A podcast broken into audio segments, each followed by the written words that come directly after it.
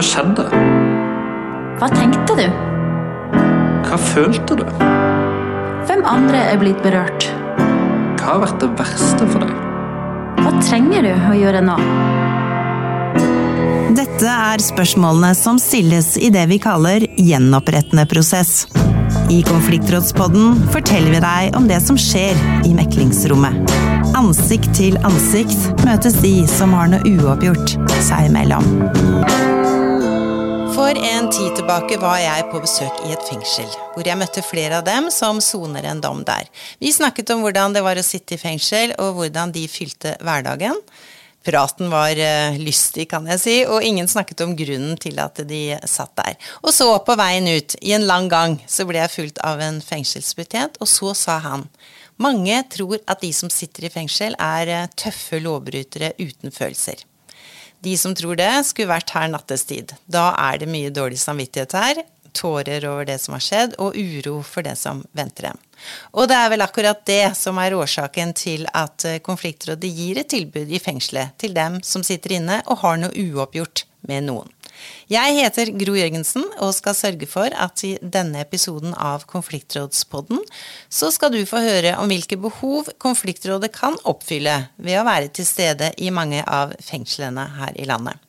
En av dem som kjenner godt til det som skjer bak murene, er med meg her, fengselsinspektør Ellen Aanesland og Nina Solberg fra Konfliktrådet. Hun har både forberedt og gjennomført flere møter der en av partene har sittet i fengsel. Og Ellen, er det din erfaring også, slik denne fengselsbetjenten sa til meg, at det i cellene om kvelden og natta er mye dårlig samvittighet? Ja, eh, ikke bare på kveld og natt men eh, også dagtid. Eh, innsatte som sitter i fengsel, kjenner mye på skam og påkjenning med å sitte i fengsel, og hva de har gjort mot andre. Nina, du jobber i konfliktrådet i Agder, som var det konfliktrådet som i sin tid startet med det som kalles konfliktråd i fengsel. Og ut fra din erfaring, hvem er det innsatte ønsker å møte? De ønsker ofte å møte de de er utsatt for et lovbrudd, eller familiemedlemmer som de har eh, fått en brutt relasjon med. For et lovbrudd, det berører ganske mange? Det gjør det. Det berører veldig mange. Nina, du har tatt med deg noen eksempler fra saker i konfliktrådet. Og hvis vi først ser på saker der behovet var å møte den eller de som ble utsatt for eh, lovbruddet, så gjelder det alt fra han som hadde gjort alvorlig skadeverk hos en familie og ønsket å møte dem, til han som ønsket å beklage for flere at han hadde skadet og holdt dem innesperret. Og hva kom ut av disse to antagelig veldig ulike møtene, Nina? Det var en som meldte inn en sak hvor han ønska å treffe en eh, familie som han hadde gjort skadeverk hos. Det var tilfeldig. Han gikk forbi og var rusa, og han angra, og han var lei seg. Og han ønska å fortelle dem at uh, han var ikke ute etter dem. Han gikk forbi et tilfeldig sted og gjorde noe galt det møtet ble et fint møte for begge parter. Eh, så i saken der hvor en hadde utsatt flere for alvorlig vold. Han hadde behov for å be om unnskyldning. Eh, de bodde òg i samme kommune. Fornærma der var veldig redd, men møtet ble bra for begge parter. For fornærma fikk en unnskyldning, og så ble de enige om at de ikke skulle være venner i framtida. Så det kan også skje? Det kan også skje. Ellen, dere som er ansatt i fengselet og har mye kontakt da, med dem som soner der. Hvor vanlig tror du det er at de som har begått vold, eh, trusler, skadeverk og annet, at de syns det er ille og gjerne skulle sagt unnskyld? Mange sitter og kjenner på de følelsene når de sitter i fengsel. Og det er jo gjerne det som kommer fram i samtalen de har med kontaktbetjenten. Mm. Så det er, ikke sånn, eh, det er ikke bare bøller som sitter der, og som ikke er så veldig opptatt av det de har gjort, eller eh, dem de har skada? Nei, det er vanlige mennesker som sitter i fengsel, som av en eller annen grunn har begått et lovbrudd. Eh, mange har begått lovbrudd i rusa tilstand, eh, så mange kjenner på mye skyld og skam. Så fins det jo noen retningslinjer. Det heter seg at Kriminalomsorgen skal sørge for at domfelte gis god informasjon om tilbudet om gjenopprettende prosesser under straffegjennomføringen. Kriminalomsorgens enheter skal opprette samarbeidsrutiner med aktuelle lokale konfliktråd for å ivareta sitt ansvar om å gi tilbud om gjenopprettende prosesser. Og hvordan jobber dere for å gi den informasjonen om gjenopprettende prosess og konfliktrådet til den som sitter i fengsel? Konfliktrådet Agder har en samarbeidsavtale med Agder fengsel. Vi gir informasjon til de ansatte, til de innsatte, og så sitter vi på servicetorg, hvor de domfelte kan melde saker inn direkte til konfliktrådet. Ja, og Konfliktrådet i Agder er veldig på tilbudssida, og vi har et tett samarbeid. Eh, vi har i tillegg i kriminalomsorgen et kartleggingsverktøy hvor, som heter BRIK, hvor innsatte eh, både får informasjon og spørsmål om de har ønske om å møte eh, konfliktrådet i, i, forhold til den dommen de sitter for. Mm. Men hvorfor vil noen av de innsatte møte dem som eh, de utsatte for en kriminell handling? De har jo alt fått sin dom og soner den.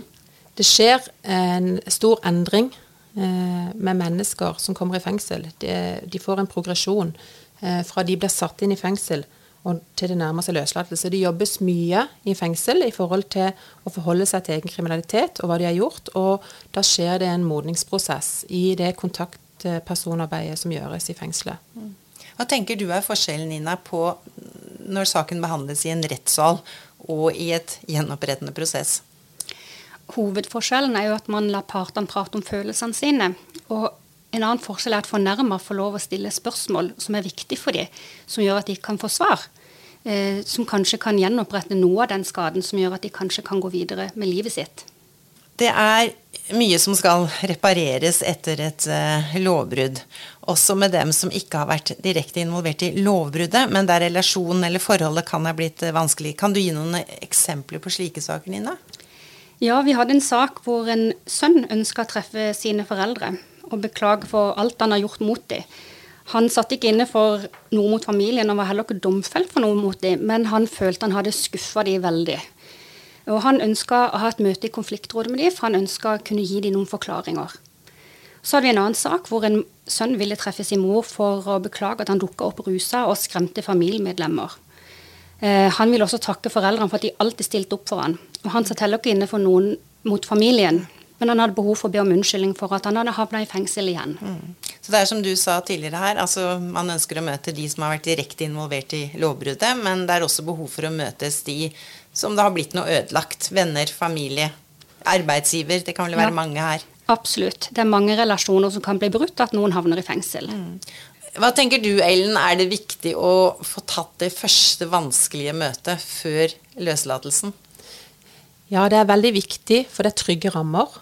Og vår erfaring er at eh, vi har hatt saker hvor eh, fengselsbetjenten har vært med og støtta den domfelte inn i møtet. Og vi har erfaring og eksempler på hvor eh, domfelte og fornærma eller etterlatte har møttes i konfliktrådet. Mm. Og det har blitt eh, et møte i hvert fall som kanskje er starten på Det har blitt et møte som gjør at det er enklere for den domfelte å komme ut Eh, de sitter, som vi har vært inne på, med mye skam og skyldfølelse. De skal ut og møte verdenen igjen. De skal møte alle som husker hvorfor de kom inn i fengsel. Og så det å treffe den de har eh, utsatt for en handling, eller familien. Eh, det er viktig å, å møte, at det første møtet skjer i trygge rammer, og ikke bare på et kjøpesenter. Nå har vi snakka om de innsatte, men det er også eksempler på at det kommer eh, henvendelser fra de som er utenfor murene. Altså at det er noen der som trenger å snakke med den som soner. Hvilke behov har de? De som tar kontakt med oss, er jo ofte de som har vært utsatt for kriminalitet, eller det kan også være familiemedlemmer. Og de kan ha behov for å få stilt spørsmål til de som har utsatt dem for kriminalitet, og få noen svar. Og ofte få en unnskyldning det å møtes i konfliktrådet og se at oi, det har skjedd en endring, og det å møte den domfelte som sier unnskyld, da skjer det noe i relasjonen. Nå har jo dere tatt frem flere eksempler på type saker og vi kan jo også nevne de kanskje aller mest alvorlige. Vi har i en tidligere episode av Konfliktrådspodden fortalt historien om Mette Lunde, som ønsket å møte han som drepte pappaen hennes.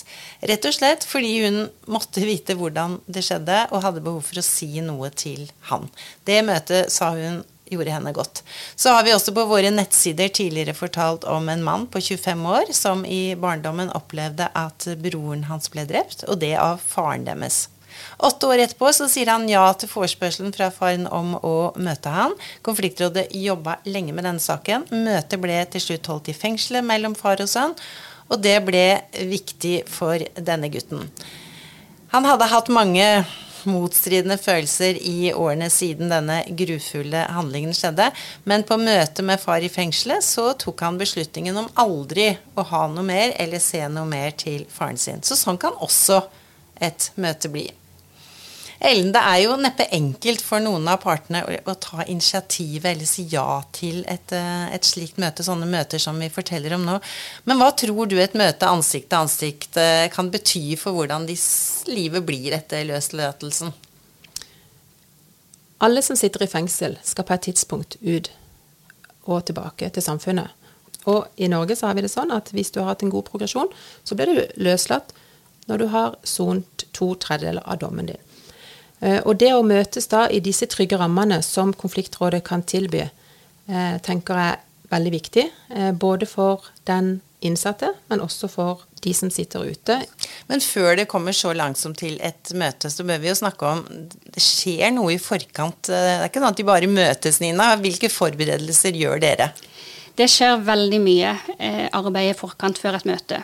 Når vi får en sak, så kontakter vi fengselet.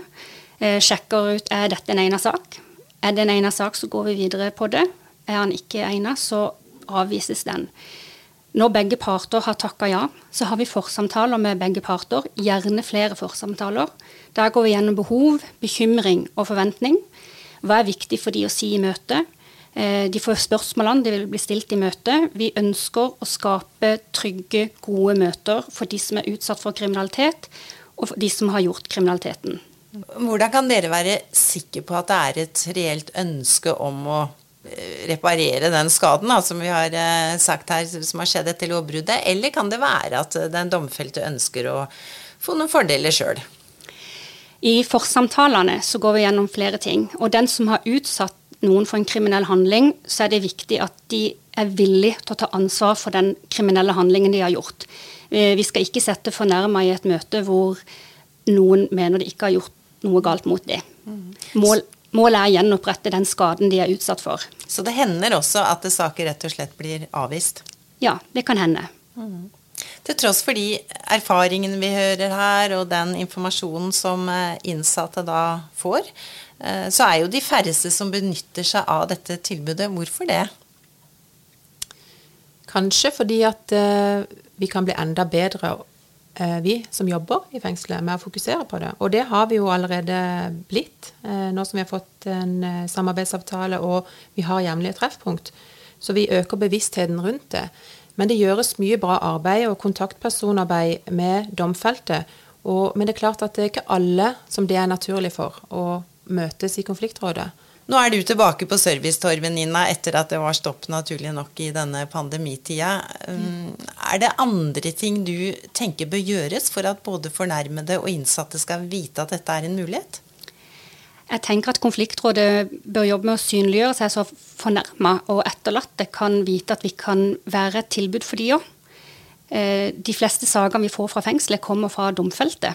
Da er det jo å håpe at flere vet om dette etter denne episoden. Takk til deg, Nina Solberg, og deg, Ellen Aanesland.